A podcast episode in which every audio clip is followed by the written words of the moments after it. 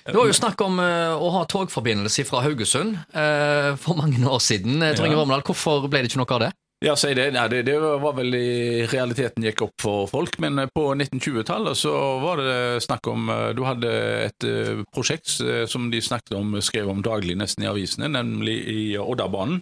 Den skulle gå fra Haugesund til Odda. Det var en breispora bane som da skulle koble seg til Bergensbanen på uh, sikt. Breispora? Ja, altså, det, du hadde smalspora baner, og du hadde breispor.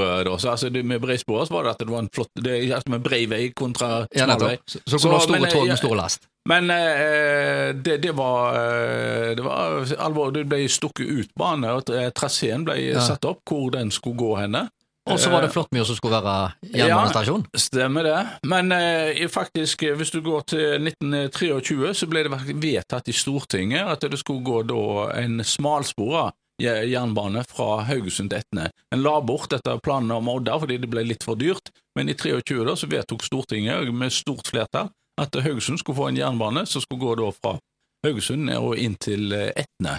Og så Senere så skulle en da kanskje eventuelt ta og utvide banen eh, innover i eh, distriktet.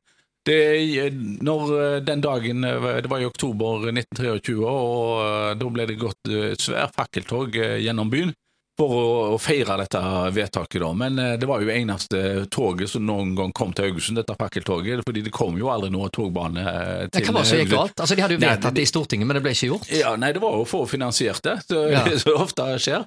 Men det som skjedde, det var jo det altså at en begynte jo Teknologien gikk framover. Altså, på 20-tallet er det jo da bil, busser begynner å komme i større antall. og i 1925 da, så ble det innført et eh, altså Stortinget bevilga penger som erstatning for denne Etnebanen. Så ble de bevilga de penger til noe som heter Karmøybanen. Eller de kalte det faktisk for gummibane. Istedenfor jernbane, så var det gummibane. Da skulle det gå altså eh, buss fra Haugesund til Kopervik og videre til Skudeneshavn. Og det var jo innledningen til det som vi kaller disse NSB-bussene. Ja, så, eh, og det, det, var jo kjempeeffektivt, for de så jo det, at istedenfor å legge skinner og, mm. og du være bonde opp til et eh, bestemt trasé, så kunne en jo her ha en buss og var mye mer eh, fleksibel.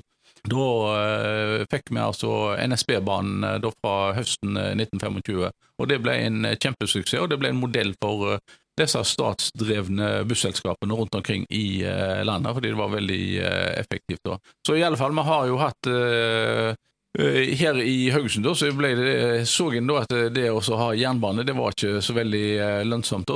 Ja, og Det sier altså Tor Inge Vormedal, som er med oss igjen om få minutter. Eh, da skal vi snakke også mer eh, om denne Fornebubanen og de ekstreme overskridelsene i finansieringen.